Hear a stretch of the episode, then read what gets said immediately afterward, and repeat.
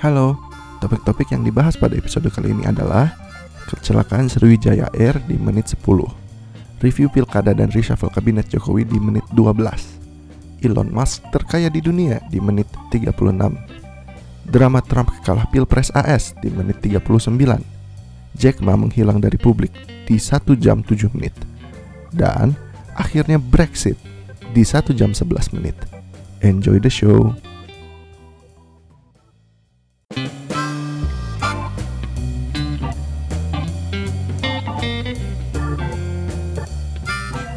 Selamat datang di What's Happening Podcast Podcast yang membahas berita-berita menarik di minggu ini. Bersama gue Panji. Dan gue Arif. Di episode 54 50 Setelah vakum sekian Vakum. lama ya. It's good to be back brother. It's good to be Yeah. back. Apa kabar Kak Panji? Eh, Banyak yang telah terjadi Iya selama vakum.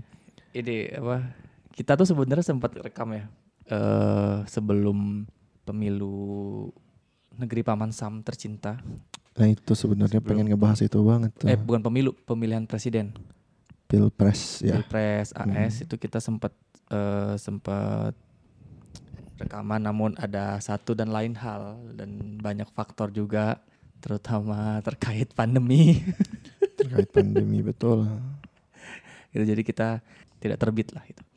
Mm-mm. dan apa sih gue mau mencoba bukan mereview sih apa maksudnya podcast yang kita rekam itu tuh di dalam itu salah satunya kan gue bilang kayak atau di episode ter- berapa ya 53 gitu gue bilang kayak ini kayaknya covid ini semakin dekat ke dalam lingkaran hidup gua deh Hmm, benar. dan ternyata tuh. benar Ternyata benar ya. ternyata benar bokap kena positif gitu ya Aduh. Heeh.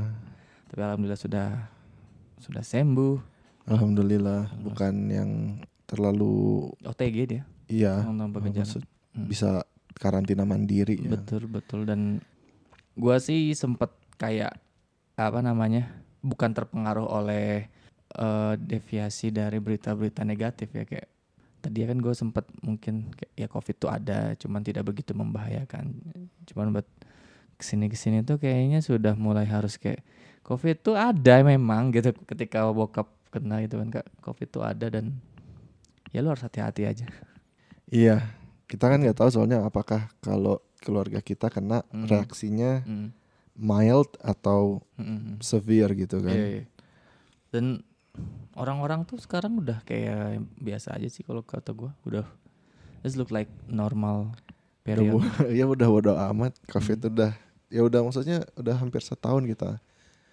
Mostly. Iya, 9 10 bulanan Di kan. Cina udah anniversary sih tahun kemarin.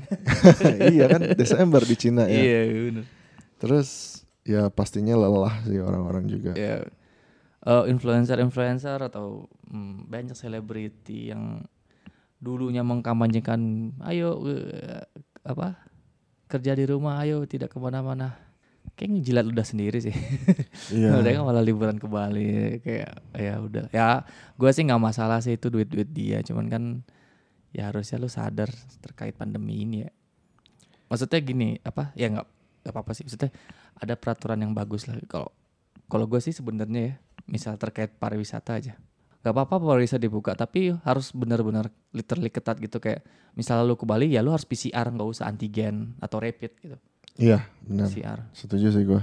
jadi ya jadi ya maksudnya jiwa kapitalis gue keluar kayak ya yang mau liburan tuh yang kaya doang lah gitu Memang lebih mahal ya. Ah, ya bukan yang kaya yang mampu sorry yang mampu. yang mampu aja gitu jadi kayak orang-orang pun ya kalau misalnya kita yang orang maksudnya pengen liburan gitu but budgetnya terbatas ya, ya udah lu eh, So ke- sorry. so sorry maksudnya mungkin bisa ke daerah dekat rumah lu gitu nggak usah harus ke Bali Hmm. gitu sih Eh, terus lu gimana kak selama ini maksudnya kabarnya gitu kita kita nanya kabar dulu deh ini berita Gua makin ya gitu aja sih, nggak terlalu rasa kekhawatiran gua lebih berkurang gitu kan. Hmm, Tapi di satu sisi kekhawatiran gua berkurang, kasus naik gitu. ya ya ya Jadi sebenarnya gua tuh agak lama menormalisasi ini Ah. dibanding banyak orang gitu. iya iya Tapi gue aja sampai kaget kok gue udah mulai menormalisasi ini gitu kayak Mm, mm, mm. ya udahlah tadinya gue kan kalau keluar benar-benar mikir Strike, dua kali Iya, sekarang iya. tuh kayak ya udahlah kalau butuh keluar ya keluar gitu kalau dulu gue benar-benar mikir butuh nggak sih butuh nggak sih Hmm. butuh nggak sih Mm. Kayak Gitu. ini sih temen gue kan ada yang koas kan. Mm-mm. Terus dia lagi pendidikan untuk kedokteran gitu. Ketika ya pas awal-awal pandemi kan gitu. Padahal case baru sampai puluhan ribu, eh, bahkan di bawah seribu, eh bawah di bawah sepuluh ribu lah. Eh, ketat semuanya dijaga ini ini nggak boleh. Tapi sekarang sekarang malah kayak dirgu dia gitu ada yang positif ternyata. Terus malah nggak nggak di ini loh, nggak disuruh dirumahkan dulu maksudnya kan itu kan serius Iya, tetap lanjut sih. Koas ya. Maksudnya kan dia kan belum jadi dokter beneran, maksudnya masih dokter muda lah ibaratnya.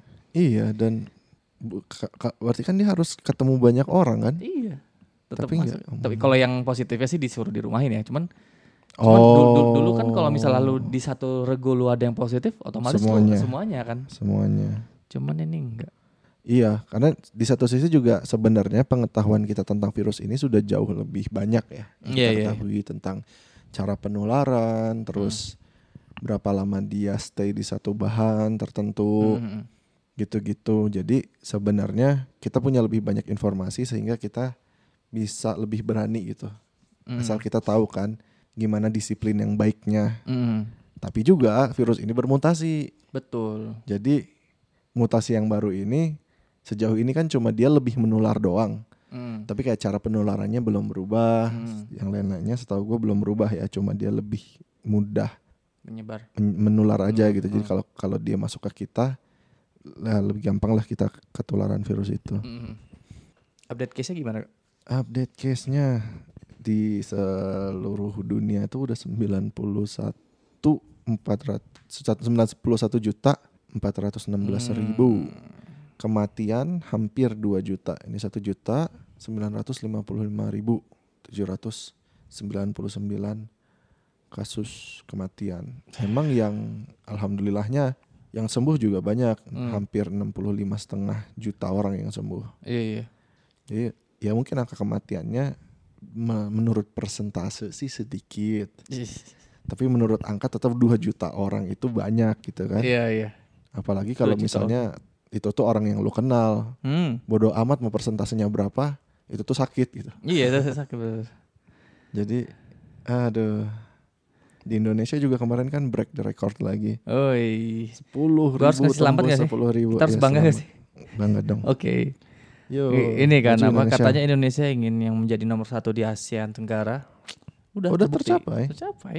Selamat. Tinggal kita menuju Asia nih. Oke, udah. Masih ada udah Iran. berapa sih kita? Kita tuh udah di 846 ribu. Hmm. Ah, 800 ribu ya? 800 ribu hampir 1 juta orang. Oke, berarti untuk diamond pl- play button lah. Diamond play button betul. Terus yang angka kematiannya sih yang gede 24 24 ribu orang ya? Ribu. 24 setengah lah hampir 25 ribu orang meninggal. Hampir satu persen ya? Dan itu tuh banyak dari tenaga medis juga gitu kan Iya, ya. iya. Itu, aduh. Untung vaksin udah ada. Eh, Iya, Sinovac. Sinovac. Buatan RRC. Nah untung ini ya gampang bukan gampang maksudnya cepat dihalalin oleh MUI. Iya iya. Gua nggak tahu sih itu gimana cara. Tapi alhamdulillah udah itu dan dan dan kemarin atau hari ini ya BPOM udah nerbitin license yang apa sih? Iya. Emergency health healthcare system gitu. Atau, Tapi yang menarik di Indonesia itu strateginya berkebalik kebalik dengan strategi Eropa dan Amerika. Mm, mm, mm. Kalau Amerika itu kan justru pertama tenaga kesehatan Iya. jelas karena mereka yang harus berhadapan dengan COVID secara langsung. Mm, Terus lansia, lansia. terus orang-orang yang kerja di sektor-sektor yang penting kayak Oh, iya. polisi, pemadam kebakaran, iya. government yang untuk Terlibat ke publik kali. iya untuk keberlangsungan negara itu dia penting gitu kan. Mm. Kayak petugas sampah segala macam Hmm, gitu. hmm. Baru nanti masyarakat umum. Iya, iya. Kalau di Indonesia enggak justru kaum pekerja dulu yang divaksin. Ya, tapi kalau yang pertama maksudnya nakes wajib sih. Itu mah iya, Ah. itunya sama. Ah. Tapi kaum mem- maksudnya kaum orang-orang tua kita, manula kita oh, di, oh iya benar benar dibalik nggak mereka nggak dapat. prioritas utama. Justru Mhm. prioritas, pri- ah, sorry, prioritas utamanya itu adalah ini Oh dari yang 8 produktif. 18 sampai berapa? 59 tahun, 86. Iya, orang-orang yang produktif di ekonomi kan. Iya iya. Katanya soalnya ya kita butuh ekonomi tetap jalan kata Jokowi. Hmm. Mm-mm. Makanya gue bilang kayak Ye, kan per hari rekornya sepuluh ribu. Ye, nggak apa-apa, naik sepuluh ribu. Yang penting ekonomi tidak minus lima lima persen. Satgas tapi ya udah. Gitu. Jokowi itu menurut gue sekarang nih fokusnya terlalu singular kayak eh, sepanjang kita vakum ini kan banyak kejadian-kejadian ya. ya Apa yang menurut lu menarik? dari dalam negeri atau luar negeri Eh, dalam deh nanti buat kita ke luar kayak lebih banyak. luar lebih banyak Soalnya kan lu dalam gak begitu ngikutin. Gue juga samar-samar lah. gue ya maksudnya baru-baru ini kan ada ini ya musibah Oh iya benar benar. Sriwijaya Air Heeh. ya kita turut berduka cita dan mendoakan korban-korban meskipun berharap ada yang bisa selamat Hmm. tapi kalau kelihatan dari berita puing-puingnya gitu kayaknya Hmm. Ya aduh. agak tipis ya itu semoga keluarga yang ditinggalkan diberi ketabahan dan keikhlasan. yang gua pertama kali ngelihat berita itu kan katanya pesawat Boeing 737 Iya iya. tapi nggak dikasih tahu jenisnya, Jenisnya. Gua langsung nge-research 737 apa nih Iya, Max iya. 8 juga atau Gua gua juga gitu sih coba. gua gua nggak nggak gua kan nggak di depan laptop ya. Terus kayak lagi ketemu apa di rumah kolega gitu. Terus gua lihat wih, jatuh nih. Apa nih? Wah, Boeing lagi. Hah, Boeing apa? 737. 737 apa? Langsung kayak 737 apa nih? penting itu penting penting. Embel-embel 737 apanya tuh penting Iya, soalnya kalau Max 8 lagi Boeing Wah, udah gila. hancur Ah, itu ah, collapse sih kok kata gua. hancur sih habis sih. Kayaknya kan ternyata pesawat lama ya udah 26 Iya. tahun mungkin Seumur gua. Terus di, Iya, dipakai. bener bener masih dipakai Iya. Ya sebenarnya kan selama maintenance-nya bener mah pesawat Hmm. itu bisa aman ya tapi Iya, kita iya. kan juga belum tahu sampai sekarang black box-nya juga baru ditemukan waktu Hmm. kita recording ini sih Mm. black black box-nya belum lama ditemukan dan lagi dianalisa jadi ya paling nunggu itu sih dalam negeri apalagi ya pilkada paling Pilkada ya, ya. Ba- Banyak yang ya, Ini tuh- dinasti Jokowi yo eh bangkit Al Hail Dynasty Joko Widodo. aduh Itu tuh kayak dinasti tuh banyak ya gitu. Maksudnya di, di Tangsel pun yang menang dinastinya Ratu Atut. Terus- iya Iya kan? aduh Terus di oh, tapi ada ada beberapa dinasti ada saat yang gua tahu ya dinasti yang kalah tuh. siapa Dinasti Kabupaten Bandung. Suami eh istrinya eh, bupati yang terdahulu eh istrinya tuh naik si istrinya Pak Dadang Nasir. oh ya nyalon ya Eh, eh, itu kan datang Dadang Nasir ini tuh jadi dinasti Pak Obar lah. Eh, Pak Obar nih bupati yang sebelum Dadang Nasir. Nah, Ah. Dadang Nasir tuh Pak Obar tuh mertuanya Pak Dadang Nasir. ah Jadi anaknya tuh sebenarnya yang sekarang nyalonin iya iya si iya, istrinya iya, Pak iya. Dadang Nasir. Jadi perdana saya kan menantunya Pak Obar. Iya, oh, menantu ya gue. Menantu. Istilahnya tuh bingung. ya gitulah. Dan yang menang tuh Arul. Arul, Al. Tapi kok kata gue kayak dia pakai ini deh. Jin dan Junnya. Jin dan Jun. Biasa ya kalau lagi itu. Canda ya. Soalnya yang gua ini bi- apa berita juga waktu itu kan ada acara apa gitu yang Mm. diprotes oleh DPR karena menyebabkan kenaikan Covid. Terus Ah, iya. orang-orang malah menunjuk balik lah, lu kampanye-kampanye pada nggak pakai Hmm, hmm. protokol, apa nggak nyebarin Covid? iya. Kayak, kayak pemerintah pun aneh. Maksudnya rem darurat tuh kenapa? Kenapa di sekarang nggak sebelum pemilu? Ya, ya kan? Aneh ya? ya aneh aja. Tidak mungkin dong, tidak tidak mungkin dong apa maksudnya? eh karena alasan anaknya nyalonin tidak mungkin dong. Gua sih positif tingginya nggak mungkin ya. Mungkin. Mudah-mudahan ya kita nggak bisa membaca isi hati orang. iya bener, betul sekali dan dan alhamdulillahnya Mas Gibran ini juara, eh juara menang. Kan dia calon tung, eh nggak calon tunggal nih, dia dua calon. Ya cuma dianggaplah calon tunggal. Akhirnya menang. Mau gimana lagi? Eh, Terus Kalau si siapa namanya? Menantunya Bobby Menantunya menang itu agak-agak lebih. itu ini loh, gue salut Inilah. loh. Maksudnya, tapi gue nggak tahu ini ya. Maksudnya disclaimer gue nggak mengikuti perpolitikan daerah Medan ya. Cuman Bobi Nasution tuh kan ini, maksudnya dia ada darah Batak gitu. Biasanya tuh kalau Medan tuh terkait kesukuan ya, maksudnya agak lebih ke Melayu yang yang bisa menempati puncak wali kota gitu atau gubernur.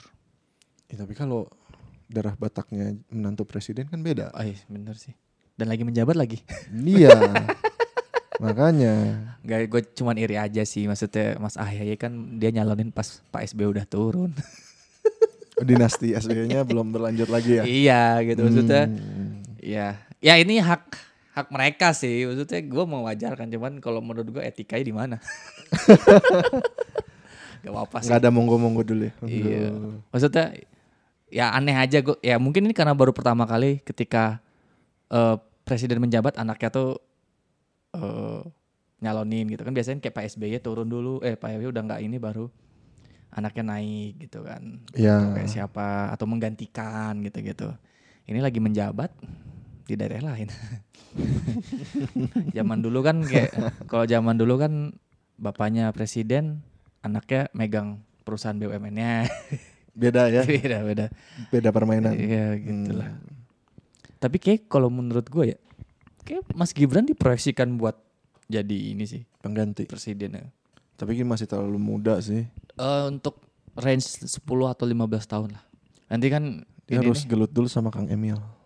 Nah, bisa jadi. Tapi nanti eh, kita ini juga deh. Ini agak nyambung juga sih maksudnya. Hmm? Terkait pemilu kan Pak S. Jokowi juga eh, mereshuffle kabinet. Iya betul. Hmm. Reshuffle lagi. Iya ya, ada Karena beberapa. banyak yang korupsi. Oh iya bener itu. korupsi. Aduh, gue bilang itu gue agak kesel nih sama yang Iya mensos sebelumnya nih. iya iya. iya. Karena Eh. kan gue udah bilang di awal pandemi Hmm. itu penting, penting tuh waktu paling penting Mm-mm, buat ngekat eh, penyebaran mm-mm, secara luas. mm-mm. Salah satu caranya adalah work from home. Pemerintah ngasih dana Mm-mm. untuk biaya sehari-hari. Mm-mm. Dulu gua ngeprotes orang-orang pakai biaya itu malah buat beli baju lebaran, Mm, mm. Buat rokok. buat rokok. Tapi rokok. kan maksudnya gue juga tahu sih apa namanya distribusi bansosnya itu nggak ideal Mm, karena banyak dicomot dari ya kayak kelurahan gitu-gitu Hmm. juga.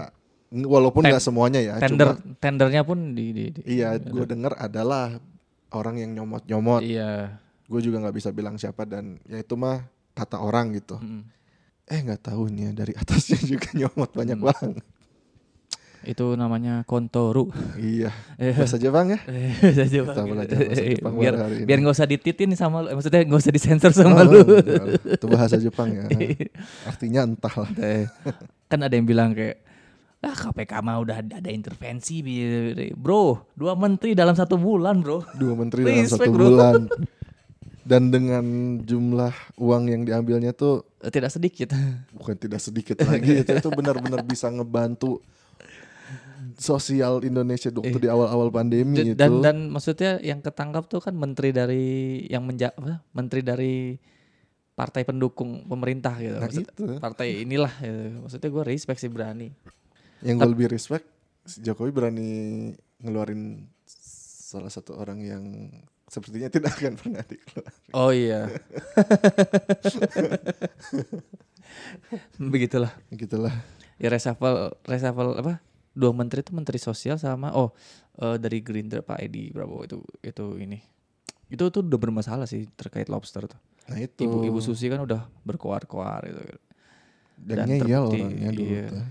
Sebenarnya menurut gua menurut gua sih programnya tuh bagus mungkin ya cuman ada celah buat dikorupsi jadi ya udah Iya maksudnya bukan berarti lu berprestasi terus nyomot seenaknya gitu iya kan. iya iya Yang ngasih apresiasi nanti presiden, jangan Hmm, mengapresiasi diri sendiri dulu gitu. Iya, loh. iya. Dan yang anehnya tuh kayak nggak aneh sih. Maksudnya yang ketangkapnya tuh kan bukan profesional, bukan menteri dari kalangan profesional, semuanya dari partai gitu. Hmm. Ya gue sih positif thinkingnya mungkin masuk ke kantong dia pribadi ya, tidak mungkin dong masuk ke kantong partai duitnya, Ya tidak bisa dibuktikan. tidak bisa dibuktikan. tidak bisa dibuktikan. Positif thinking aja mungkin buat dia mah serakah gitu nih orangnya nih buat Hmm. buat kantong dia sendiri nih mau ngai, mau kekayaan gitu. Hmm. Gue mah positif thinkingnya begitu ya. Ya. Gak mungkin dong dialirin ke duit partai udah lah. Jangan Itu nanti itu positive thinking ya. positif thinking. Kalau gue positive thinkingnya dia salah nulis rekening. Oh. eh, kok masuk ke rekening saya ya udahlah nggak apa-apa. ya oh, iya iya. Dan dipakai belanja untungnya. Kalau gue setidaknya gini ya, dia ngambil triliunan. Hmm. Paling nggak belanjain lah biar ekonominya mutar gitu. Oh, iya. Jangan disimpan gitu. Eh, tapi ini sih, ini ini di luar inilah, di luar Hmm. konteks. Apa? Terkait dengan krisis 2008 yang subprime, subprime mortgage yang eh, krisis di Amerika. Mhm. Kena ini ada ini ya apa sih? Kalau ada teori yang belum maksudnya bukan teori sih, ada argumen yang dianggap kayak ini bisa aja hipotesis. Ada Hmm. hipotesis bilang bahwa Indonesia itu tidak terjerembab oleh krisis karena adanya korupsi. Serius? Serius. Korupsi menyelamatkan kita. Yo, eh. Jadi kan dipakai buat konsumsi katanya. Jadi ya oke. Gue gue kayak gue kayak eh, make sense sih, tapi kan Iya, iya, maksudnya kantong lu lupa ada bangsat. Hmm, hmm. Gitu, itu inilah selingan. Eh, Jadi eh apa tadi balik ke mana? Ke, Ke- reshuffle. Reshuffle.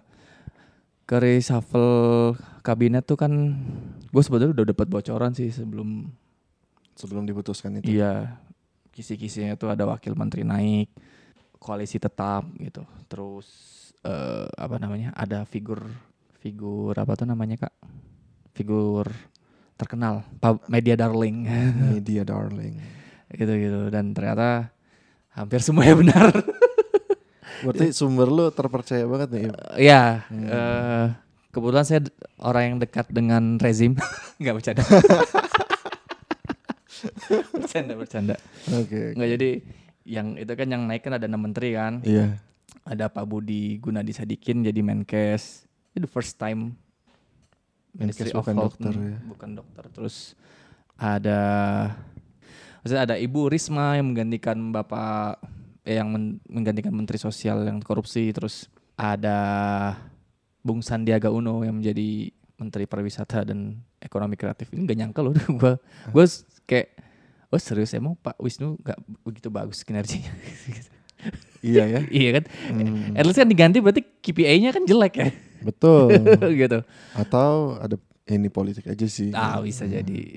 Terus Pak Sandiaga Uno naik. Terus eh, siapa lagi yang terkenal ya kak?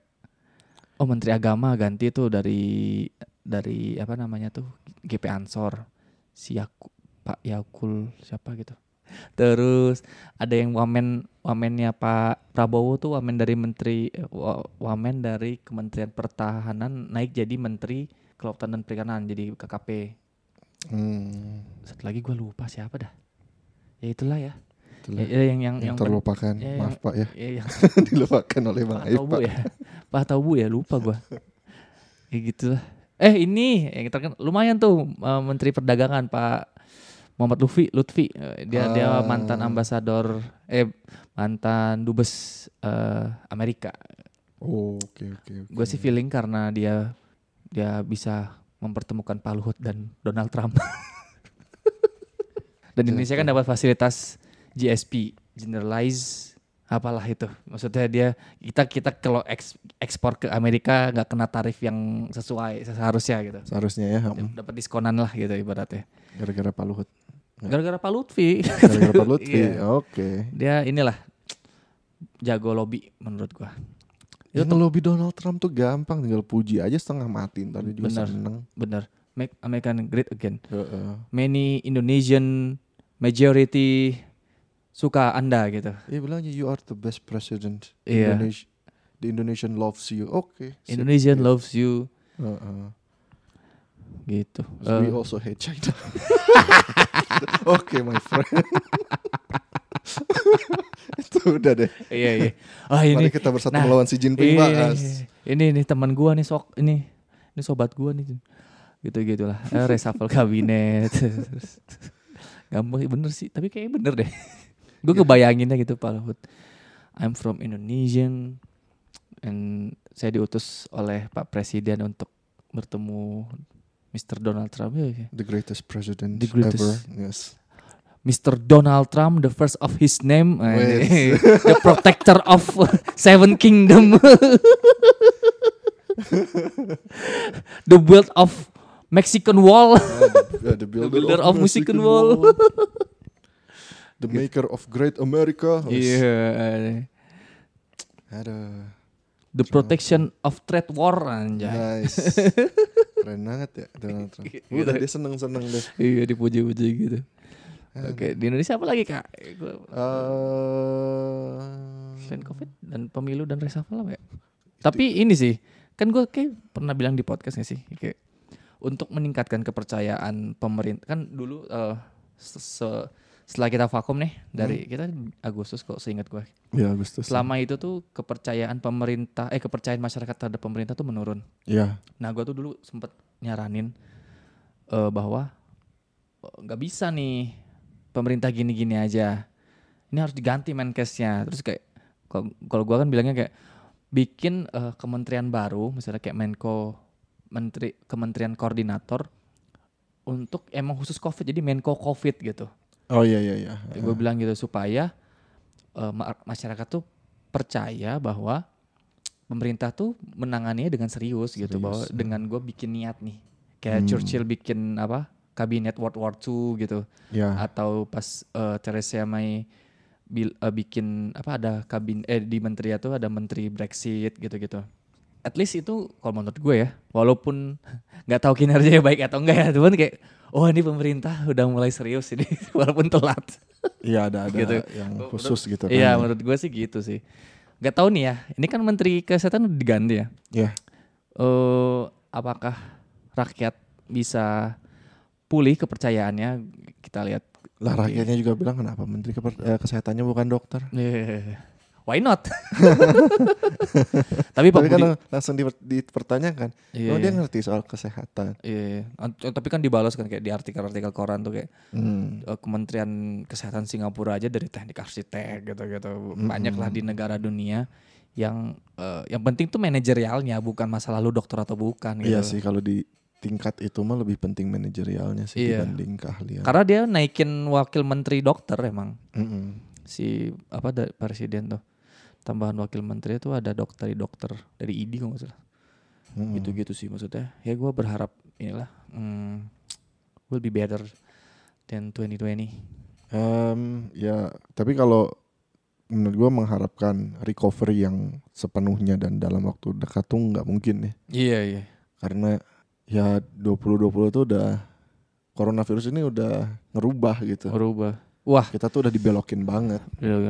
Mindset cara berbisnis cara hidup eh, cara ya cara mindset tuh cara berpikir gitu terus kebiasaan hmm, Kebiasaan. banyak yang eh kayak kita emang emang butuh sih maksudnya gua tuh berpikiran bahwa krisis itu kan pasti tetap ada ya Mm-mm. baik itu ekonomi sosial mm, dan lain-lain cuman gue bingung gimana caranya bikin abad modern ini krisis gitu ya salah satu dengan pandemi pandemi ini sih yang kayak emang bener-bener merubah maksudnya kan Hmm. dia tuh eh bisnis-bisnis yang dulunya kayak ya ini mah kayak walaupun krisis juga nggak akan bangkrut lah gitu Eh. buktinya bangkrut juga maksudnya ada aja gitu yang beneran kesusahan Iya. gitu loh Dan setidaknya kan kalau krisis ini ya setahun dua tahun dua setengah tahun ada ada vaksin mah udah baliknya cepet gitu kan. Iya iya. Presiden berharap 5 bu 16 bulan. Mm-mm. Ya vaksin juga kita udah datang ya. Kapan ya? Hmm, Desember ya vaksin udah Desember. datang. Hmm, Desember akhir-akhir Dari Sinovac. Sinovac yang Tap- sampai dikawal polisi itu ya. Iya iya. Dan kita juga eh ngorder vaksin dari AstraZeneca, Mm-mm. dari Moderna gitu atau dari mana ya? Moderna. Yang dari Ing- Jerman tuh apa ya? Pfizer bukan? Ah, Pfizer juga. Mm. Eh tapi Pfizer kan harus minus Itu susahnya sebagian vaksin Nggak- harus nggak- nggak ada storage-nya storage-nya susah nggak- banget. Cuman Tapi ya, Si- Sinovac yang relevan dengan kita. ya betul. Sinovac. Hmm. Ya mm, Karena gini kan di, di internet tuh ada yang nanya kayak kenapa sih pemerintah bukannya meningkatkan 3M, 3T gitu-gitu, malah order vaksin. Terus ada yang nge-counter kayak bro kalau nggak sekarang lu nggak bakal dapet mau dapat kapan gitu. iya. Karena pasti waiting list duluan. Oh, oh, orang-orang pada punya kepentingan masing-masing apalagi kayak dengan lu bersaing dengan negara maju gitu. Yang duitnya lebih gede gitu. Dan dia punya hak veto dan misalnya ibaratnya lu order dari AstraZeneca, ya dia ngementingin Amerika lah. Iya. Gak mungkin lu dapat prioritas pertama aja. Iya makanya. Gitu-gitu makanya harus dari sekarang biar itu gitu gitu, sih. Betul. Ini rebutan memang rebutan banget. Rebutan. Oh dan ini kan kita hari apa nih? Rekaman hari Selasa tanggal 12. Hmm. Besok tuh Pak Jokowi mau disuntik pertama kali. Nah, For the first time. for for the the first time. Tapi Kang Emil mah udah duluan. Maksudnya dia jadi udah lama Kang Emil duluan. Jadi apa sih kan namanya? Em, Survei eh kenapa ya? ya untuk ngetes sebenarnya kan. Mhm. dan buat meyakinkan rakyat bahwa vaksinnya aman Iya, untuk iya. digunakan Betul, sebenarnya. Mhm. Dan Kang Emil kan maksudnya likable figure gitu kan. Mhm. Jadi dan sosial media presence-nya gede. Ya ya. Makanya menurut gua kenapa dia dipilih Mhm. gitu. Oh iya gue mau tadi ngomongin tuh kayak ini di luar dari ini ya Hmm. vaksin dan corona. Maksudnya eh Pak Jokowi reshuffle beberapa figur baru ini tuh menurut gua bakal eh memperta apa bakal memper- ingin memperlihatkan bahwa ini loh yang bakal bertanding nanti di 2024 gitu sih. Pokoknya nih ya, ini gua nggak tahu ya. Ini Nabel, analisis gembel gua kayak Hmm. calon PDIP ex Sandiaga Uno udah. Masih Ini gue bukan nge-endorse Sandiaga Uno ya tapi buat lah Mr. Prabowo Subianto wah itu nggak tahu sih. berapa lama menunggu masa Nggak dia udah legowo sih kata gue. Eh tapi nggak tahu Joe Biden aja masih mau maju. Eh. Joe Biden mah karena desakan sih sebenarnya itu Oh untuk iya sih. melawan Trump. Iya sih nanti itu kita bahas. Hmm. Ada apa lagi kak? Dalam negeri apa ya? Selain lockdown yang nggak jelas. ya kan lockdown sih. Ada istilah tuh PSBB. Yang sekarang PS PPKM pembatasan perlakuan alah itulah P, Iya. PSBB eh eh eh eh, PSBB ini apa namanya tuh tingkat RT PSBB lokal ya itulah banyak istilah yang gue nggak tahu gue jangan dikasih istilah-istilah udah. ya gue taunya lockdown lah. Edukasiin ke masyarakat dengan benar, nggak usah gonta-ganti Iya. istilah. Kita kan sempat pulang kampung ya kak. Iya. Terus kita sholat Jumat. Gue speechlessnya tuh kayak, oh gue merasa ini jadi kaum minoritas nih. Gue pakai masker sendiri. Eh kita maksudnya. Lu aja gue mah kagak. Eh lu gak itu? ya? Gue enggak gue Iya. ngeliat kan waktu Iya. sholat Jumat tuh yang masuk masjid gimana nih orang-orangnya. Iya. Pada kagak kagak pakai masker. Masalahnya gini. gue juga nggak mau gue dari Bandung. Iya. Siapa tahu gue carrier iya, gitu kan. Gue masuk ke masjid Nah. menginfeksi mereka. Jadi gue mikir Ah. ya udahlah mudah-mudahan Allah mengerti gue sholat di rumah aja. Iya iya iya. iya. Bener. Ah, gue kayak, ah ini udah. Mereka tuh tahu ada corona gak sih? Oh di sana nggak ada corona katanya. Oh gak ada corona, artinya apa? Koronces apa? Hmm. Terus kayak gue Nggak kan boleh masuk sama sama ininya. pakai air wudhu hilang kayak sorry Eh, terus kan gue kan sempat ke ada undangan teman gue sahabat gue di di daerah Cibubur apa ya Hmm. Bekasi situ lah terus gue ini kan apa nyetir gitu kan lihat keadaan sekitar hmm, padahal itu kan dekat ibu kota ya Iya Bekasi. Iya. Deket banget. deket banget gitu. Kayak gak pada pakai masker kayak ini ada corona gak sih? Terus terus kayak pada enjoy banget ya gitu. Pakai masker juga nggak jelas gitu. Ya udahlah gue kayak kalau gue sih ngerasa gua, yang gue takutin tuh gue carrier gitu. Jadi Hmm. sehingga gue sadar akan hal itu. Maksudnya pakai masker pakai face shield eh, pakai hand sanitizer gitu sebelum Ya kesadaran Mhm. untuk sesamanya kurang jadi ya mau gimana lagi. Dan- dan- begitu adanya. kebijakan ini siapa? Ya sempat kebijakan cuti bersama kan di ini. Mm. Ya gitulah eh, apa namanya? Ya gue nggak bingung gue ya kan ya udahlah gue yang menjaga maksudnya gue nggak ke mana-mana terus ya gue sih ada sih eh, nakalnya juga maksudnya keluar tapi kan sesuai prokes lah gitu. Iya. Kadang-kadang perlu sih keluar Mhm, mhm. karena ada kebutuhan kan yang harus dilakukannya tuh di luar gitu. Tapi Oh iya gue, gue juga kan semobil kan waktu ini tadi gue diceritakan yang Hmm. gue undangan ke daerah Bekasi. Tapi teman gue positif, nah gue selama semobil tuh kan positif ya. Makanya gue dari Natal sampai tahun baru gue isolasi gue. Maksudnya hasil hasil gue negatif gitu. Terus antigen gue lakukan, PCR gue lakukan. Alhamdulillah negatif, cuman gue harus gue sendiri yang iya. maksudnya yang bisa aja gue nakal bahwa gue cabut gitu karena gue negatif kan Heeh. tapi gue berusaha ya. tetap ya inilah Jaga-jaga. ya mana gua mager juga sih orangnya jadi Ya. jadi ya ini harus isolasi ada alasan yang lebih kuat gitu loh biar gua gak keluar rumah iya iya iya. Harus isolasi mandiri ya. iya ada apa kali eh apa kali Eh, udah kali ya untuk yang dalam kota eh dalam kota lo hmm, dalam negeri eh, ya gitu aja sih. Hmm. Cuaca makin gak jelas seperti biasa.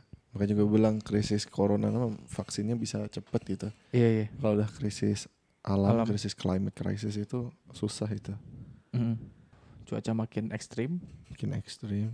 terus udah mah ekstrim ditambah kotanya kota yang kita tinggal tidak siap gitu kan jadi Iya. banyak yang keham, apa maksudnya selokan-selokan yang gak bersih Untungnya di masa pandemi ini nggak nggak nggak ada bencana alam yang besar banget di Indonesia. Kalau nggak kan Hmm. kayak pengungsian itu jadi hotspot oh bener, bener. penyebaran. Itu yang gua khawatirin selama longsor sih pandemi paling ini. enggak Iya cuma longsornya kan waktu itu buk nggak nggak kayak waktu tsunami. Oh, bener. Terus gunung kemarin kan gunung Merapi Sinabang ya eh lagi darurat lagi. iya, iya. Jadi tapi kan karena udah ketahuan dari awal jadi evakuasinya juga bisa nggak terlalu ramai Aha. sekaligus gitu kan. kita Ya. cukupkan saja review dalam negeri Ya. lanjut gua luar bingung negeri lagi. Luar negeri, luar negeri juga banyak nih berita di luar negeri. Iya. Pertama, Elon Musk akhirnya menyusul Jeff Bezos jadi orang terkaya Iya. di dunia. menurut gua ya Aduh. menurut gua kayaknya kan El- El- Elon, Elon Musk tuh dibilangnya kan the real Iron Man menurut gua Elon Musk lebih kayak dari Iron Man beneran eh lebih kayak dari Iron Man di Marvel Universe gitu menurut gua ya Menurut lo ya? ya Aaron, maksudnya ya juga sih. the richest man tapi dia turun loh hari ini per hari ini Ya per hari ini turun. Dia cuma tipis loh dia cuma beberapa saat doang gitu kan terus Hmm. kalah lagi sama Bezos. tapi kok gua nggak nyangka bisa sekaya itu Gue juga Musk gue nggak nggak Hmm. kalau Bezos gue ngerti gitu kan. Amazon gede banget. iya iya dan Kalau- harga harga dia kan nilai dari stock market kan. Iya. wajar karena lagi pandemi gini orang pada pakai Amazon gitu. Iya makanya. Dia kan waktu pandemi selama pandemi ini profitnya naiknya gila-gilaan Amazon. Makanya tapi gue bingung kenapa Tesla, SpaceX bisa naik juga gitu. dan produknya tuh belum masal loh. Nah itu. Mas- Tesla itu masal kan, sih iya maksudnya or, udah ada dia dia memproduksi masal tapi belum semua orang make gitu maksudnya iya. ya masih di daerah tertentu Menurut gue karena potensi doang sih makanya bener ekspektasi itu ekspektasinya. SpaceX juga kan eh emang SpaceX itu udah dipakai buat ngorbitin beberapa satelit ya terutama kita Iya. satelit BRI kan eh BRI kalau nggak salah kita pakai pakai SpaceX ya. SpaceX SpaceX eh d- produk apa lagi coba solar eh apa Tesla battery yang di rumah rumah itu kan Iya, Starlink internet. Heeh. Itu kan belum terus kayak Hyperloop belum ada ya Belum. kayak susah Masih- juga gitu Masih konsepnya. iya itu masih konsep terus apa boring company Itu juga masih Iya. tes-tesan. maksudnya gue kok bisa gitu ekspektasi Iya gue bingung kenapa Musk bisa gitu. iya Nggak Gak ngerti nyangka. gue. bahkan Ya, ngalahin Facebook gitu maksudnya lebih lebih kepake Facebook loh Lebih kepake Facebook. Daripada itu gitu jadi Iya untuk orang masal ya. mhm. Maksudnya produk-produk Musk itu kan juga bukan produk murah gitu. Mhm. Semulah-mulahnya Tesla kan tetap aja mobil yang agak mahal gitu. di Indonesia pun masih mahal Iyalah di Indonesia mah. dia tapi dia mau, mau investasi di kita loh nanti Januari ini mungkin ada obrolan atau dia mau ke Indonesia gue nggak tahu Oh, karena kemarin yang Pak Luhut ke Amerika tuh harusnya ketemu Elon Musk cuman dia covid kan iya positif banyak ya Hmm. maksudnya. Gitu Eh Elon Musk terus oh ini yang kita rekam tuh apa pemilihan pilpres Akhirnya Pilpres Amerika setelah sekian lama berkutat Joe Biden dan disahkan Donald ya udah Trump. fix ya wah, akhirnya disahkan dengan susah payah itu dramanya ya Allah gila-gilaan banget. Hmm. Bu, soalnya kan dia karena COVID banyak yang pakai itu kan Mailing pakai mail in ballot itu in yang hmm. pakai surat gitu. Mhm. Nah itu kan datangnya nggak langsung semuanya sekaligus, Hmm. jadi butuh waktu tiga hari kalau nggak salah seingat gua. Hmm, tiga hari. Untuk Joe Biden menang dan eh dua setengah hari atau tiga hari itu stres gua ngeliatin Google. Ya gue refresh mulu deh. Nih nih siapa nih? Nih soalnya begitu di akhir-akhir kan kelihatan Joe Biden mau menang. Aha. tapi swing state yang waktu itu masih sedang dihitung itu swing states yang secara apa namanya sejarah Ah. itu perginya ke Republican Hmm. Apa Kayak- Georgia ya? Georgia, North Carolina, North Carolina. Texas, Texas. Alaska, sama Philadelphia kalau nggak salah satu lagi. Nah itu Hmm. gua deg-degan banget. Iya, iya. Tapi Texas sudah cl- declare republik ya waktu itu. Eh, iya tapi Texas masih ada hope yang menurut gua waktu itu jelas Republik itu adalah Alaska. Oh iya, benar benar benar. Gue bilang Alaska ya udahlah itu mah diambil Republikan. Cuma Iya. Texas gue masih berharap karena waktu itu masih bisa Texas masih bisa ngejar. Ah. Terus South Carolina, Georgia yang tipis banget tuh Georgia tipis banget. Iya, iya. Akhirnya Joe Biden menang. Hmm. Menangnya juga sebenarnya kalau menurut Electoral College banyak. Tapi kalau ngelihat dari per state votesnya itu Hmm. kayak di swing states itu Tipis-tipis. loh. Tipis-tipis. Makanya si Trump kan langsung minta recount, langsung Iya, iya. minta apa. Terus Bahkan beberapa waktu pas pemungutan pemungutan suara tuh kan ada yang sampai dihentiin kan beberapa hari iya karena rusuh. karena rusuh rusuh dari dua belah pihak juga sebenarnya di Oh, iya, iya. Demokrat juga ada yang rusuh, Hmm. Republikan tapi kayaknya lebih banyak se Hmm. pengamatan gua Hmm. dan karena Donald Trump juga kan count the apa mau count the vote count the vote gitu kan Iya, dia iya. minta semuanya di ini dan nggak boleh ada kecurangannya itulah dia konspirasi teorinya bahwa sebenarnya dia menang tapi banyak apa namanya suara ilegal gitu yang Iya, iya. diada-adakan Mungkin oleh dia nggak memperhitungkan mail in ballotnya itu. enggak dia memperhitungkan tapi dia memperhitungkan bahwa orang nggak mau Oh, iya iya iya. gitu Benar benar. Karena Republikan sejujurnya dia itu mempersulit banyak kalangan Demokrat untuk ngevote. Hmm. Misalnya kayak kaum minoritas Hmm. yang kaum minoritas kayak orang Afrikan Amerikan gitu kan lebih banyak ini ke eh, Demokrat. Pasti mereka akan lebih banyak pengen ngedukung Demokrat Hmm. dibanding Republikan. Voting untuk orang-orang kaum minoritas ini dipersulit kan sama sama Republikan. Hmm. Karena kan mereka yang megang kekuasaan kemarin. Hmm. Jadi kayak di tempat yang dominannya kaum kulit putih ditaruh misalnya dua TPK Hmm. yang di kaum kulit hitam itu cuma satu dan itu untuk ngambil dua wilayah misalnya gitu. Oh iya iya. Jadi banyaklah kecurang bukan kecurangan ya itulah strategi-strategi liciknya Iya, gitu ya. Mumpung memanfaatkan ini ya. Iya, tapi ya karena ini adalah pemilu penting di Amerika dan Hmm. banyak orang-orang mengerti bahwa ini adalah pemilu penting akhirnya mereka bela-belain untuk milih gitu. Hmm. Terutama di state-state yang gue bilang tadi swing states tadi yang dia agak ya maksudnya Republikan dan Demokratnya itu agak seimbang gitu. Hmm. Jadi tinggal gimana caranya orang-orang tuh di sana semuanya mau memilih Hmm. Hmm. gitu Hmm. aja sih. Terus yang kocaknya lagi begitu ada itu kan ada lagi dihitung-hitung gitu. Hmm. Trump itu kan nyuruh Rudy Giuliani si lawyernya dia Hmm. Buat ngadain press conference di Hmm. Four Season. Oh iya iya iya. Four Season. Orang kan mikirnya Four Season Hotels ya. Iya iya. Tapi timnya Trump antara dia salah ngebooking atau gimana, it, apa malah ngebookingnya tempatnya Four Seasons Gardening. Jadi toko toko tanaman, toko gardening. Yang di sebelahnya adalah toko eh, ini em, video dan alat-alat dewasa Oh. 17 tahun plus I- 18 tahun plus plus gitu lah. Iya. Dan itu di parkirannya karena dia nggak ada conference room nggak ada apa. Iya, Jadi si iya. Rudy Giuliani itu ngasih press conference di parkiran depan toko gardening Four Seasons yang sebelahnya adalah toko Dewasa, alat eh, dewasa gitu-gitu. Dan kejadian gak sih? Oke. Kejadian. Oh my god. Terus Four Seasonsnya sampai bingung. Ya kita nggak mendapat ini kok bookingan dari ini Donald Trump. Jadi jangan ke kita ya. Terus kita nggak ada relasi dengan Four Seasons Gardening dan itu itu adalah bisnis lain.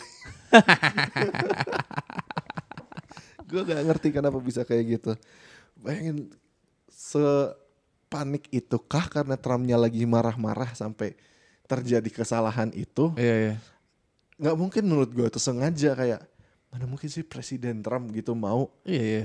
kayak biar merakyat lah Enggak kita juga. di ini di Iya, parking di lot parking. gitu tempat parkir nggak mungkin kan pasti kan pikiran dia tuh Four Season Hotel gitu. Iya iya.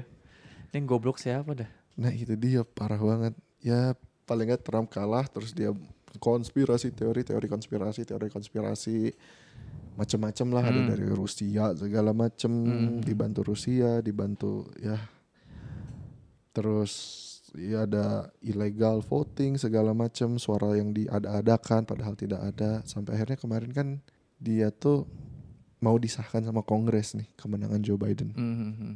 karena kan kemarin belum si Donald Trump tetap aja tetap ituin konspirasi teori terus bilang kan Donald Trump ngadain ngadain apa sih namanya rally gitu kan Hmm. ke pendukung-pendukungnya bahwa Untuk apa? Eh, buat cuma bilang bahwa enggak sebenarnya saya yang menang kita menang. Ah, cuma mereka itu ilegal segala macam. Eh. katanya kalian bisa tuh apa namanya membuat Kongres berhenti tidak mengesahkan ini. Akhirnya kan Oh, Kongres iya, diserang kan sama iya. masanya Oh, Trump dia nge-tweet gitu ya? Eh nge-tweet ngomong bukannya gitu. tuh dia tuh pidato. Ya Tuhan. terus dia bilang I will be there with you. Tapi kan ternyata enggak. Gue sempet nonton tuh. I'll be there with you we can stop this. Ah segala macam lah.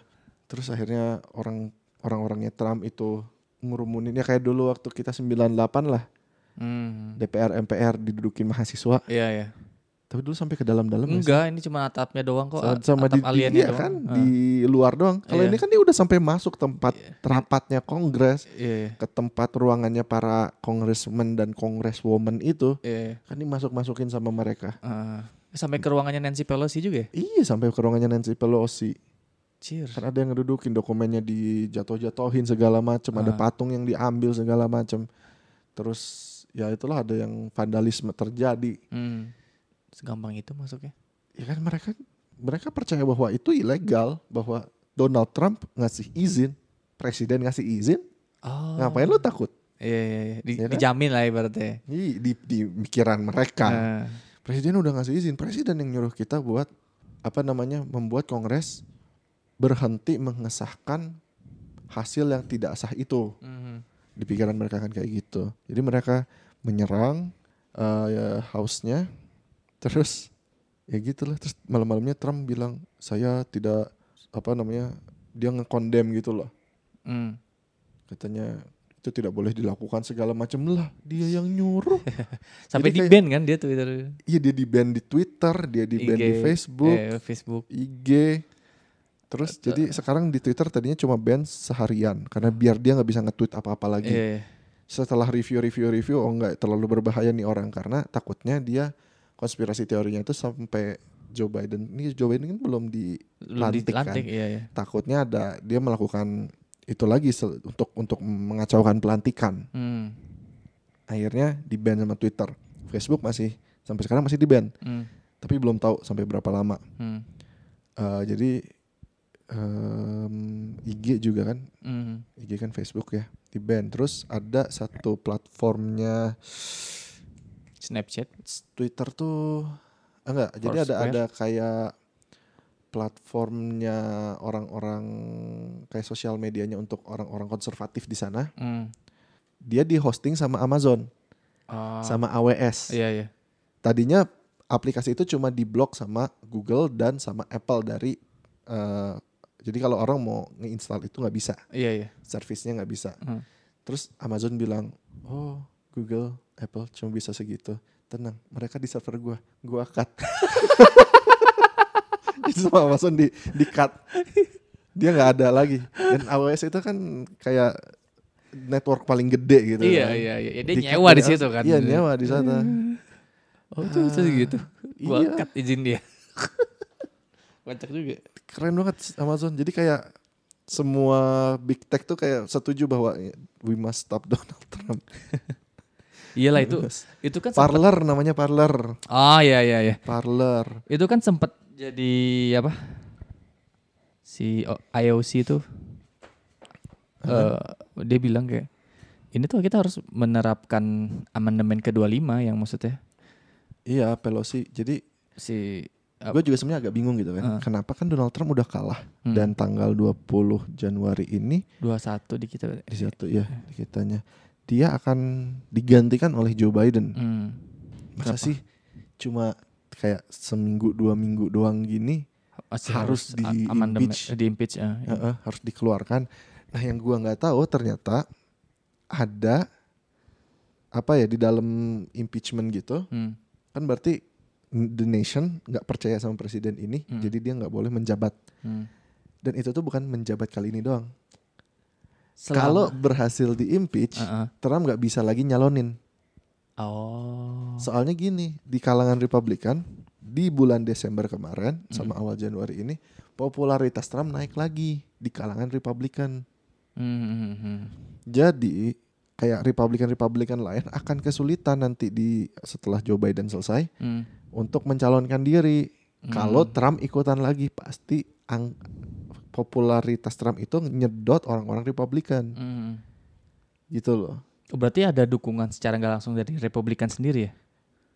Kayak mau nggak mau pada akhirnya Republikan harus ngedukung kalau mereka Oh, iya. mau rakyat-rakyat Republikan ini Bisa masih percaya iya, dengan iya. partai mereka. Hmm, Tapi kan ya walaupun Trump itu udah tua ya, hmm. jadi empat tahun lagi belum tentu dia sebenarnya fit for office Hmm, eh, dari usia dan kesehatan. hmm. Tapi kita kan nggak pernah tahu, Iya, iya, iya. ya kan? Biasanya kan kayak orang yang rada-rada nggak waras itu kan kesehatannya jauh lebih sehat biasanya. Iya, Entah dia pakai serum atau apa dah.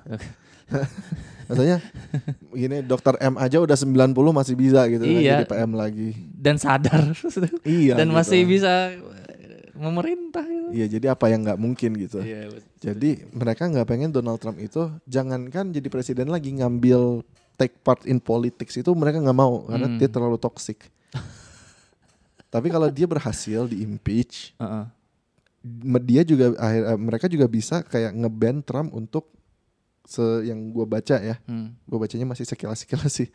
Mereka bisa ngeban Trump untuk take part in any governmental position. Hmm. Jadi dia nggak bisa gitu. Hmm. Benar-benar di block ke Trump itu. Mhm. Dia cuma bisa jadi civilian doang. Civilian. Tapi gelar dia jadi presiden ke-45 masih bisa, masih ada. Kalau di impeach, Heeh. Atau enggak? tapi in disgrace gitu kayak ini presiden yang di impeach. Ah, eh, eh, eh, secara Sampai sekarang kan belum ada yang benar-benar berhasil di impeach kan. Kalau Nixon mengundurkan diri, Mhm. Kennedy eh siapa? Clinton survive. Yang benar-benar di impeach dan benar-benar berhasil ke impeach itu belum ada, setahu gue ya di Amerika. Mhm. Tapi ya itulah maksudnya Eh, paling nggak itu nyakitin hati Trump gitu. Itu Iya, yang itu diinginkan. kayak TK apa TKO sih maksudnya udah Iya, tonjok dar gitu. Iya. Dan Trump kan sampai bilang tenang, saya nggak akan ini tradisi Amerika yang dipatahkan Trump satu lagi. Apa? Dia nggak akan ada di pelantikan Joe Biden. Dia nggak akan hadir. Hmm. Tapi Joe Biden bilang ya itu kayaknya ke- keputusan yang lebih baik. Soalnya bahaya kalau Trump ada di sana. iya, iya. Masanya bisa datang benar-benar. dan bikin kacau. Jadi mendingan ya udahlah Trump gak usah datang biar kita bisa lebih tertib. Hmm. Kan ada yang bilang kan hmm, bahwa apa? Yang nyebut Joe Biden tuh presiden ke-46 bakal eh tunggu dulu kalau ada impeachment bisa aja Mike Pence naik jadi 46. Iya, Mike Pence bisa naik jadi 46. 46 dulu baru Jo- Joe Biden 47.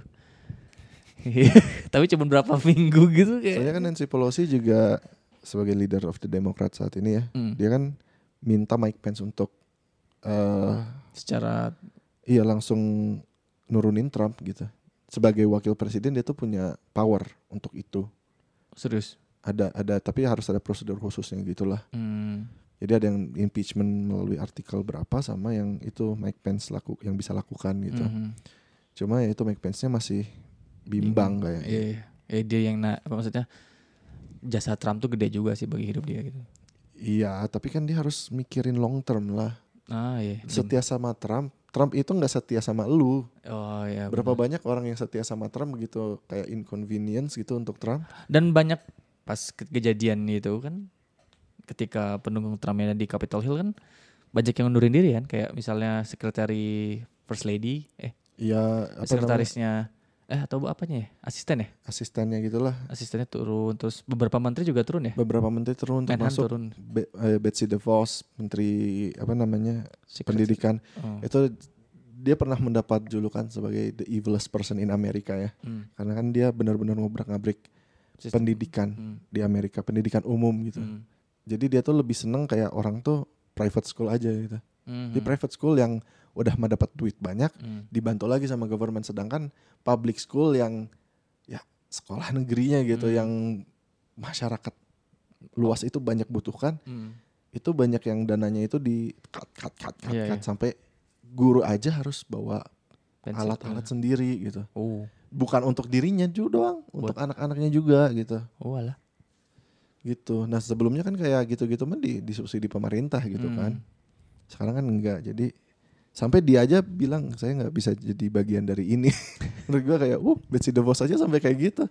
Berarti Trump ini parah banget evilnya. Beberapa perusahaan juga narik dukungan dari dia. iya gue baca dari mana ya kayak BlackRock. apa namanya? Kumpulan pebisnis bisnis apa sih namanya kayak organisasi perkumpulan bisnis bisnis Ah. gitu bilang Royal Society eh, itu mah di, di Inggris. kalau di Indonesia kan ada ya Em, iya kayak kayak Apindo. nah gitu gitu guys. ya kayak gitu-gitu bilang kita harus cepat-cepat ngeluarin Trump dari office karena ini nggak baik untuk Toxic bener ya berarti ini untuk orang. talks. Ya soalnya dia nggak pernah mikirin orang lain, dia tuh mikirin pada akhirnya untuk dirinya sendiri. Ah, Dan di akhir hari akhirnya apa yang dia lakukan?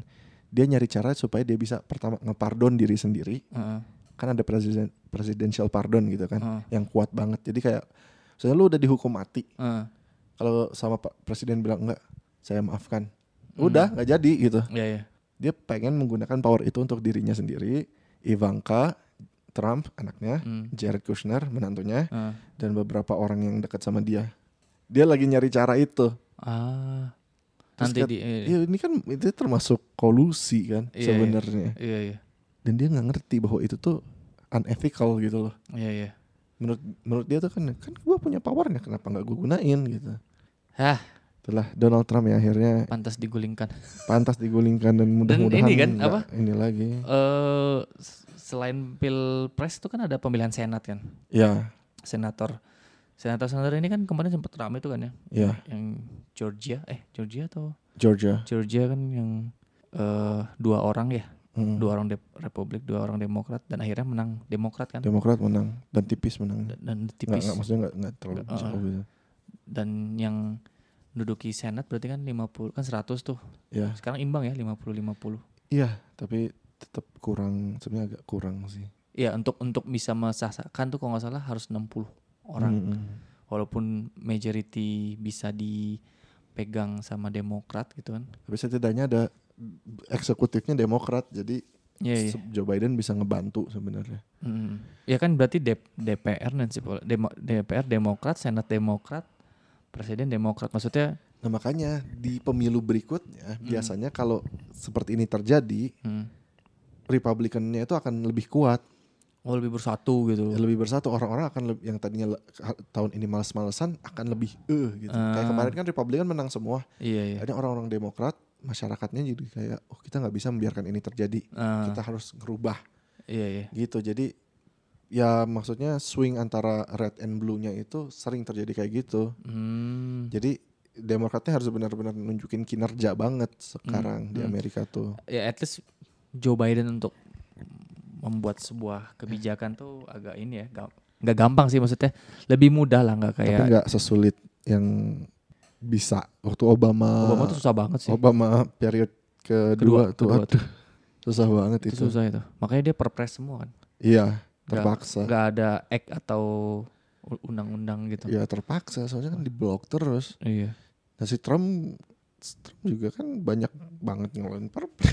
Iya, karena Nancy Pelosi batu juga. Enggak juga sih, cuma karena maksudnya dia tuh kurang, ya maksudnya apa yang dia putusin itu bukan yang terbaik untuk rakyat gitu. Hmm, iya, Jadi kayak senator-senator Republikan juga kan pasti banyak yang mikir, mikir lah. Iya, iya. Kayak apa? Pandemic bill. Mm-mm. Pandemic bill ini kan lama gitu. Lama banget. Maksudnya termasuk yang telat. Maksudnya Eropa udah udah stimulus, Iya, bahkan Asia, Cina, eh, Cina apalagi. Indonesia dikorupsi. Ya. gitu kan. Amerika termasuk lama. Akhir tahun baru keluar 900 miliar US dollar. Dia itu itu juga dengan perdebatan ini itu ini itunya Iya, iya. alot banget sih. banyak drama sih. banyak drama dan banyak dramanya tuh bukan untuk kepentingan publik. Eh, Banyak dramanya tuh untuk kepentingan perusahaan, Perusahaan. kepentingan orang-orang berpengaruh gitu loh yang bikin keselnya tuh itu kayak ini publik udah butuh Iya. Orang-orang itu tuh sebenarnya kalau nggak dikasih juga sebenarnya ya bisa survive gitu. Iya, benar. Kenapa kudu ngotot harus? Iya. Ada ngerti gue. Egonya nggak untuk rakyat. Eh, negara swasta sih susah. Iya kapitalisme. Makanya gue bilang kapitalisme tuh bagus up to a point. Ah. Sosialisme tuh bagus up to a point. Hmm. Semuanya tuh harus ada keseimbangan gitu. dengan tapi dengan katanya kan Amerika tuh negara paling demokratik di dunia. Itu apa? Padahal ada kejadian yang pendukung Trump tuh kayak langsung kayak "Eh, nggak juga. Nggak, kalau demokratik mestinya nggak ada yang namanya electoral college. Satu orang vote itu nilainya satu. Oh iya, kayak kita ya. Mestinya. Kalau di Amerika kan nggak karena electoral college kan. Hmm, hmm. Mana ada itu namanya demokratik. Misalnya lu di negara yang di tengah-tengah Arkansas Hmm, sama lu di New York atau di California. hmm. Orang New York atau California vote-nya lebih Banyak, berharga. lebih gitu harga. kan. Iya. Ya, betul. Gitu. Sedangkan kita kan vote kita sama misalnya orang di Papua, orang di Sulawesi Sama. sama satu dan satu gitu. Hmm, Gitu. begitulah. Ini apa? Dan yang yang kata gue juga namanya demokrasi itu nggak benar-benar demokrasi karena ada gatekeeper yang dinamakan partai politik. Iya. Gua orang biasa tanpa join partai politik, kesempatan gue jadi presiden berapa? Ya, di bawah 50% yang pasti. Jauh. Jauh sih. Kecil banget, hampir nggak mungkin.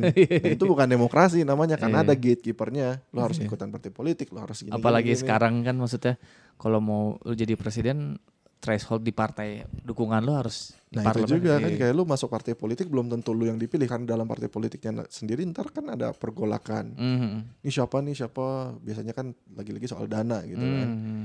Ya jadi yang namanya demokrasi, true demokrasi itu ya nggak ada juga gitu. Iya, benar. Eh tidak sempu apa? Belum sempurna tapi bisa diperjuangkan. Ya tapi daripada pusing-pusing udah monarki lagi aja. Enggak sih bercanda. Terbukti darinya pandemi negara yang paling survive. yang recovery dulu siapa? Vietnam, Cina. Komunis, komunis. Dan ini loh. diktatorship. Dan dan kenapa kok kenapa komunis gue bukan nge-endorse juga sih tadi disangka komunis. Jangan, bahaya. Kenapa- sensitif banget soal komunis. Iya. Maksudnya kenapa Cina lebih maju tuh karena dia nggak ada biaya buat nyetak pemilihan presiden Iya, biaya gitu-gitunya bisa langsung dialokasiin ke buat bangun infrastruktur kayak sosial. apa kayak sosial gitu-gitu. dan masalahnya karena diktatorship gitu kan Hmm. si Xi Jinping itu kan punya kekuatan yang lebih. Iya. Jadi kayak kalau menterinya ada korupsi, dia nggak kebagian, Hmm. Oh, udah langsung cut gitu. oh. Dan dia nggak kebagian ya, bukan masalah kayak gua nggak tahu sih Jinping gimana ya. Gua nggak ngerti. Jack Ma aja sama kemarin dianggap hilang gitu eh kan. gue mau nanya itu. Tapi ya karena ya itulah diktatorship, mereka punya kendali kontrol at- atas masyarakat. Mm. Makanya penanganannya lebih baik karena begitu disuruh lockdown, Ya, orang yang nggak nurut dihukum. Dihukum. Di kita mah Punishmentnya kan bener-bener. orang yang nggak nurut cuma ya pak Push up. pak push Jangan. up. malah dikasih masker. Nah ya nggak apa-apa itu bagus Oh sih. bagus cuma sih. maksudnya Iya, iya, iya. jadi kan pemerintahnya nggak jelas gitu jadi kita boleh keluar pakai masker atau lockdown sebenarnya Hmm, hmm. gitu kan terus Hmm. kayak gua sekarang sekarang kemarin gue lagi pengen snack nih tengah malam Hmm. nggak tengah malam banget sih gue jam 7 lebih dikit ah, gue pengen mie mie stok mie di rumah gue habis Hmm. gue keluar Hmm. Indomaret tutup Semuanya. All of. Heeh, Super Indo tutup gue sebutin aja lah mereknya Gria gitu-gitu Iya, tutup ya. Hmm, siapa tahu mau masukin barang. Supermarket kan tutup-tutup. Iya. Gue bilang, gue beli mie gimana nih? Gue Heeh. lapar. Tapi restoran buka. Terus Eh. menurut gue jadi nggak konsisten dong. Orang nggak boleh ke supermarket. Menurut gue kan dengan alasan biar nggak berkerumun. Hmm, Tapi kan orang di supermarket biasanya mereka masih pada pakai hmm, masker kan. hmm. Sedangkan orang makan nggak mungkin pakai masker. Iya. Kenapa restoran-restoran masih boleh buka Nah, sampai jam 9? kalau menurut gue, ya, ya aneh sih. Jadi itu di ke- kebijakannya itu aneh. Sedangkan kalau kayak di negara kayak Cina yang diktatorship Hmm. itu kan Jelas. satu kebijakan aja semua harus nurut. Nurut. Makanya ya bukannya komunisme lebih bagus, cuma karena di saat Dia butuh tangan keras, tangan Hmm. baja, ya diktatorship tuh lebih efektif. efektif. Gitu sih. Iya Aneh juga maksudnya kebijakan eh di balik ke Indonesia tuh minimarket buka cuma sampai jam 7 kan kita jadi pas jam eh gue ini nih Hmm. pengalaman gue pas tahun baru kan eh karena kan gak boleh tahun baru tuh nggak Iya, boleh- nggak ada boleh acara so jadi orang-orang eh, ngerayainnya di rumah Iya. ibaratnya dan supermarket, minimarket tuh tutupnya kan jam 7. Iya. Gua kan itu masih isolasi sih, salah juga. Cuman gua nggak gua naik jalan-jalan naik kendaraan tapi nggak turun. Cuman beli kopi lah gitu. Terus gua ngelewatin salah satu toser bar gitu Hmm. dan itu macet dan penuh. Menurut gue kayak kayak misalnya ini semakin dibatasi orang-orang semakin berkerumun loh. Kenapa Iya. nggak jamnya lu longgarin? Tapi ya orang-orang kan jadi ada milih waktunya tuh kayak ya udah gue jam 8 aja lah karena ini masih rame gitu gitu kan. Ya, Gitu sih. Ideal, idealnya sih nggak usah dirayain. Uh, maksudnya iya sih. Nggak cuman kan kalau buat belanja gitu loh kak. Iya, iya sih. Oh, oh. dan apa? Ya menurut gue restoran boleh buka tapi jangan jangan makan di situ, take away aja. Take away aja. Gue juga setujunya gitu. Makanya gue agak bingung gitu ya kenapa tetap kekeh gitu harus dine in. Menurut gue take away aja sih Take away. bagus. Ya lebih enak juga. Dan yang konsisten lah, maksudnya pemerintah tuh yang boleh mana, yang enggak mana Ya, ya. diseragamin. Menurut gue nggak masuk akal tuh serba minimarket nggak boleh buka sampai malam tapi restoran boleh. Menurut gue tuh nggak masuk akal Iya, iya. iya. karena justru lebih bahaya di restoran gitu. Nah, dan kocaknya sih gini sih. Atau awal-awal pandemi misalnya dari sampai bulan September lah, gue masih dilihat di minimarket tuh masih ada hand sanitizer. Sekarang udah nggak ada. Kalau di Toserba oke lah. Ini di minimarket kayak Indomaret gitu udah. Udah nggak ada ya. Ya, biasanya gue di kasir kok. Ya mungkin kebetulan aja kali ya pas gue nggak ada gitu kan. Bisa aja. Tapi emang dulunya kan ditaruh tuh di tempat yang gampang dilihat ya. Mm. Sekarang gue harus nyari-nyari ke daerah obat-obatan. Makanya akhirnya keluarga gue beli yang langsung Eh satu enggak ini galon. mah yang gratis loh. Oh yang oh iya itu udah uh, udah nggak ada. Nggak ada itu. kan? Udah nggak ada. Maksud gue biasanya kan gue teh minta ini apa buat ini kan misalnya gue megang habis megang duit atau apa gue semprotin Kan lagi. kos. Hah? Kan kos. Ya tapi kan In business we reduce cost. udah jam operasional gue dibatasi jadi lu mau minta hand sanitizer? Goblok banget. Yang kocak tuh ada orang eh, namanya orang Indonesia kreatif. Refillnya ngambil dari rumah sakit. Di rumah sakit pasti banyak tuh. Oh jadi ke rumah sakit langsung cok cok cok. Nah itulah. Eh, wah ini free rider bener-bener dah. Ada apa lagi kak di luar negeri? Oh Jack Ma diculik ya? Jack Ma eh kok diculik sorry belum maaf terkonfirmasi. maaf Om si, Om si, maaf ya. bukan diculik menghilang di publik aduh typo nih bibir Typo bibir. Jack Ma mudah-mudahan. lu ngerti timelinenya nggak Ah, gue gue ngerti dikit sih maksudnya gua kurang.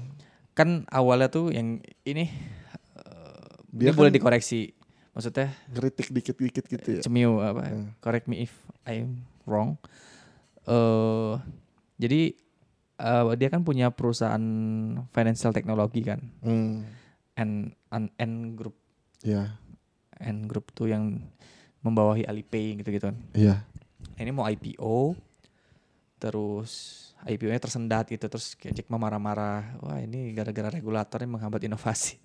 Tapi ya makin dihambat saja. Jadi jadi nggak jadi aja. Akhirnya singkat cerita ya eh, apa? Ya katanya sih si Jinping nggak nerima hal itu gitu. Iyalah. anti kritik maksudnya. Oh ya udahlah. Padahal Jack Ma tuh udah mencoba mengalah loh. Ya udah pemerintah ambil sebagian saham N Group. Heeh. masuk ke kita.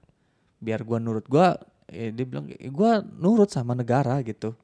Tapi kalau lu menghambat eh adanya laju teknologi ini ya lu nggak akan bisa maju men gitu gitulah ya inovasi nggak Hmm, bisa. inovasi di- ya, nggak bisa kalau inovasi lu hambat ya nggak akan bisa maju-maju kita gitu gitu terus si Jinpingnya ya merasa nggak ini mulanya jadi ya N group eh What are you saying? I am God. Langsung bener-bener literally dibatalin kan nggak boleh karena dia Iya. harus merubah eh, ini dia malah apa dia harus merubah core bisnis dia gitu karena nggak sesuai dengan regulator perbankan Cina Iya. gitu-gitu Kayak, Nggak oh. sesuai dengan suasana hati si Jinping. Iya. Maksudnya kalau menurut gua kenapa nggak lu dari dulu ngomong dah sebelum ini jadi se- makin besar gitu N grupnya. Iya. Gitu sih. Ya itulah.